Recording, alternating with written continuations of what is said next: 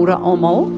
Vanoggend se potbeen doen ek terselfdertyd saam met ons vroue oggendgroep omdat ons nie elektrisiteit vanoggend in Botha wil hê nie en uh, daarom gaan dit vir ons moeilik wees om dit op te neem en ek wil graag 'n um, 'n recording hê daarvan. So welkom uh saam met die vroue groep vanoggend en mag die Here regtig waar vanoggend ons uh ontmoet op 'n manier wat ons lewens ehm uh, so sal aanraak in hierdie nuwe jaar wat ons betree het vir hom.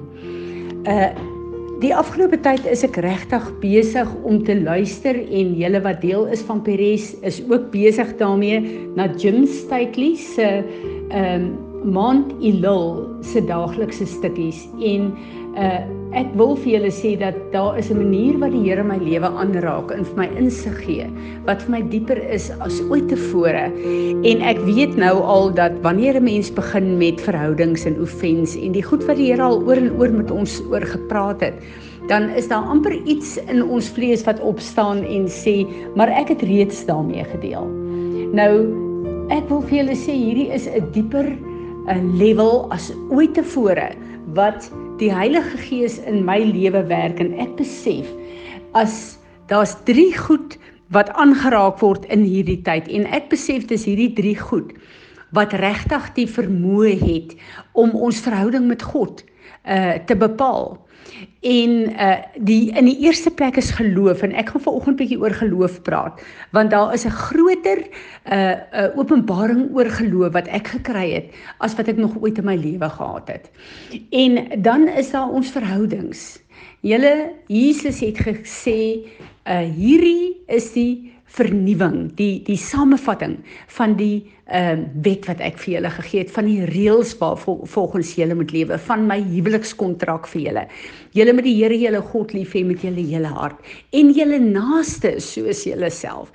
En ek besef dat daai naaste liefde uh gee die Here vir ons in hierdie tyd 'n dieper openbaring as ooit tevore. En uh uh saam met geloof is dit net 'n riem waarna ons begin beweeg wat dieper is as ooit tevore. En dan kom hy ook en hy praat oor giving. En ek besef dat daar is soveel kinders van die Here wat kom by die oortuiging van en die aligning met 'n uh, uh, koninkryksfinansies en wat God vir ons sê hoe om ons finansies in besitting te hanteer. Dan kom ons en ons doen dit uh, en dan na 'n jaar of 2 of 3 dan uh laat ons dit maar net weer dan uh is dit net asof daai deel van ons lewe weer terugsak. En uh ek besef dat hierdie 3 areas wat uh behandel word in hierdie maand van Elul is die 3 areas wat ons lewe uh en ons optrede so beïnvloed, ons verhouding met die Here so beïnvloed. En ek bid saam met julle dat wanneer ons deur hierdie leringe is, ons op 'n plek sal wees in hierdie nuwe uh jaar wat God vir ons bring dat wanneer ons volgende week by Yom Kippur kom en die boeke finaal toegemaak word dat daar areas in ons lewe is wat ons teruggekeer het na God en dat ons gees, siel en liggaam op 'n plek is waar God ons kan gebruik to give to his body en om uh, ons as 'n gawe te gebruik vir sy koninkryk hier op aarde.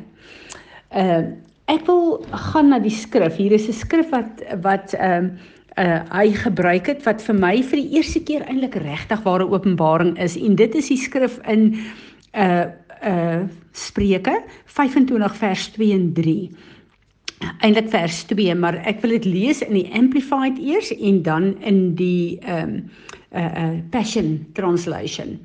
It is the glory of God to conceal a matter, but the glory of kings is to search out a matter. As the heavens for height and earth for depth, so is the heart and the minds of kings unsearchable. Hoor hoe mooi vertaal die Passion translation dit. God conceals the revelation of his word in the hiding place of his glory. But the honor of kings is revealed by how they thoroughly search out the deeper meaning of all that God says. Is dit nie wonderlik nie? Wie is hierdie konings? Dis ek en jy. Ons is priesters en konings vir God en sy koninkryk. Hierdie is ek en jy. In hierdie woord sê dat daar 'n sekere goed wat God half hidden hou. En as ek en jy in 'n dieper verhouding met God wil inkom, 'n groter verstaan wil hê oor goed op aarde, dan moet ons in God se riem ingaan. Dan moet ons uh, letterlik uh uh die Engelse sê search out a matter. Ons moet in die woord ingaan. Ons moet God se hart hoor wat hierdie saak waaraan ek en jy betrokke is uh betref. En uh ek het so verstaan gekry toe uh uh Jim Stately begin praat oor die riem van geloof. Wat is die riem van geloof? En hier waar ek en jy lewe in ons elke dag se lewe hier op aarde. Hierdie is 'n tydelike plek. Hierdie is eintlik 'n illusie. Al is dit hoeveel werklikhede wat gebeur, al is daar hoeveel probleme wat ek en jy het, al is daar hoeveel aanvalle, hoeveel trials, hoeveel tribulation. Dit is alles tydelik. Hierdie is 'n tydelike riem waarin ons lewe. Maar hierdie riem gaan bepaal waar hoe ons ewigheidslewe lyk. En dit is vir my baie keer so ontstellend om te besef dat wat ek en jy hier doen, die keuses wat ons maak, bepaal hoe ons ewigheidslewe gaan lyk. En dan kom hy en hy sê dat die riem van geloof is daai riem van ons dien die God van die onmoontlike wat in ons verstand en in ons vlees vir ons moeilik of onmoontlik lyk. Die oomblik as ons in gebed na God toe gaan, wanneer ons God begin 'n uh, 'n uh, uh, vasgryp vir iets wat moet gebeur, dan gaan ons in die riem van geloof in. Dan weet ek en jy in die fisiese weet ek nie hoe hierdie goed gaan uitwerk nie, maar ek weet dis wat God in my hart gedeponeer het en daarom staan ek voor hom want hy is die God van die onmoontlike. Dan kyk ons na verhoudings. Op hierdie stadium is ek besig om te kyk na 'n sekere verhouding in my lewe. En die Here is besig om vir my soveel insig te gee. Nou as ek die storie vir julle vertel en hierdie verhouding vir julle vertel, gaan julle almal agter my inval en sê, "Sjoe, Fransie, hierdie is 'n rowwe ding." Nee, jy is reg en hierdie ander persoon is verkeerd verkeerd. Julle, die Here is besig om in my hart hierdie hele ding vir te verander. Want hy sê, ons as mense is op 'n plek waar ons wil ontvang die heeltyd. Dit is hoekom ons voor God staan wie se naam Jod hy waf hy is. Jod hy is die openbaring van sy gesig. Dis vir ons 'n maklike plek.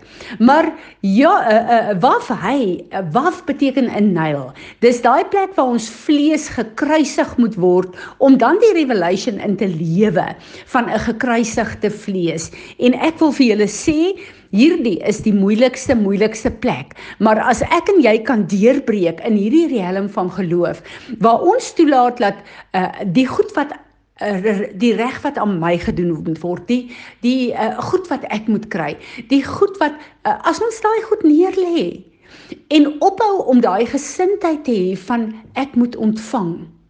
Hoeveel keer gaan ek en jy voor die Here vir goed wat ons net moet ontvang?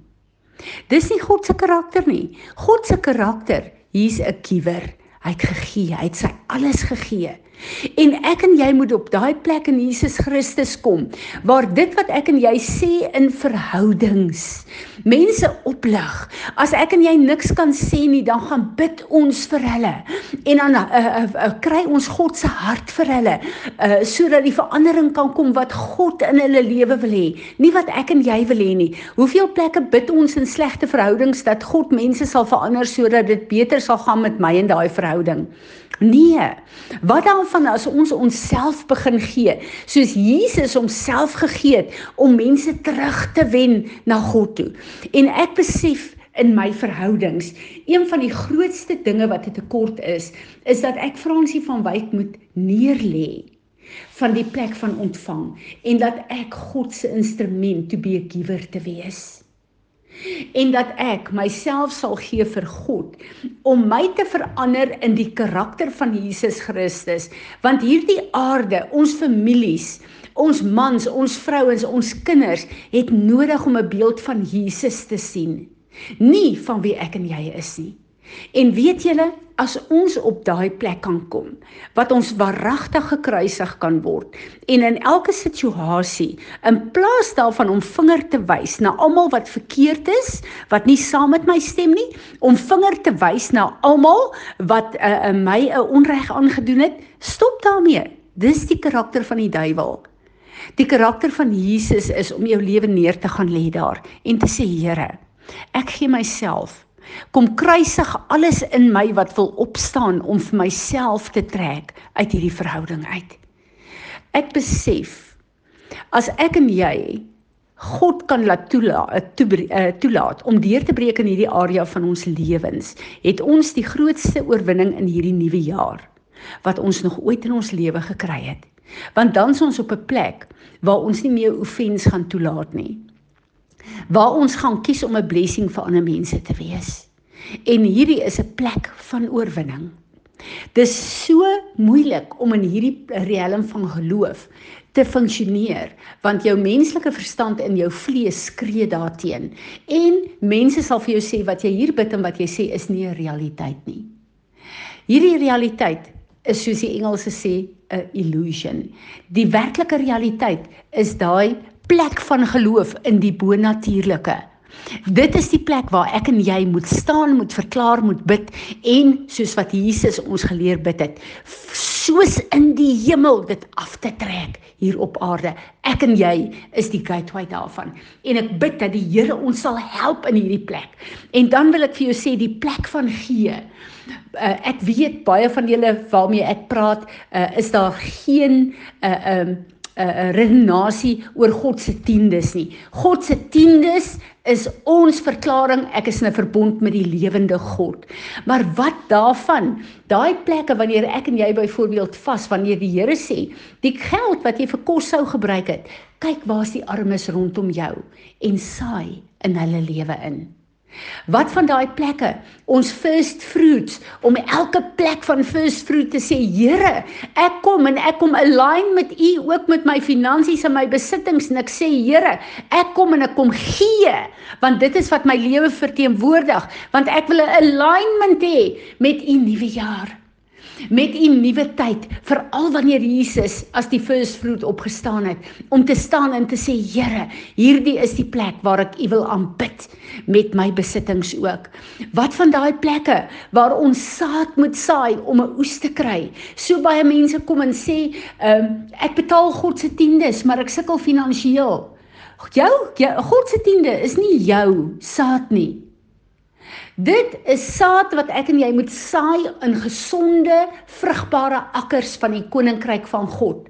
En dit is die plekke waar ek en jy 'n oes gaan inkry, waar ons as jy as jy finansies saai, gaan jy finansies oes. As jy 'n appel plant, gaan jy 'n appelboom kry. Dit is hoe dit werk en Jesus se uh hele basis waarop hy gewerk het met die gelykenisse wat hy getel het, gaan eintlik oor saai en oes. Watter saad het ek en jy in die grond? So wat is die oes wat ek en jy in hierdie jaar gaan kry?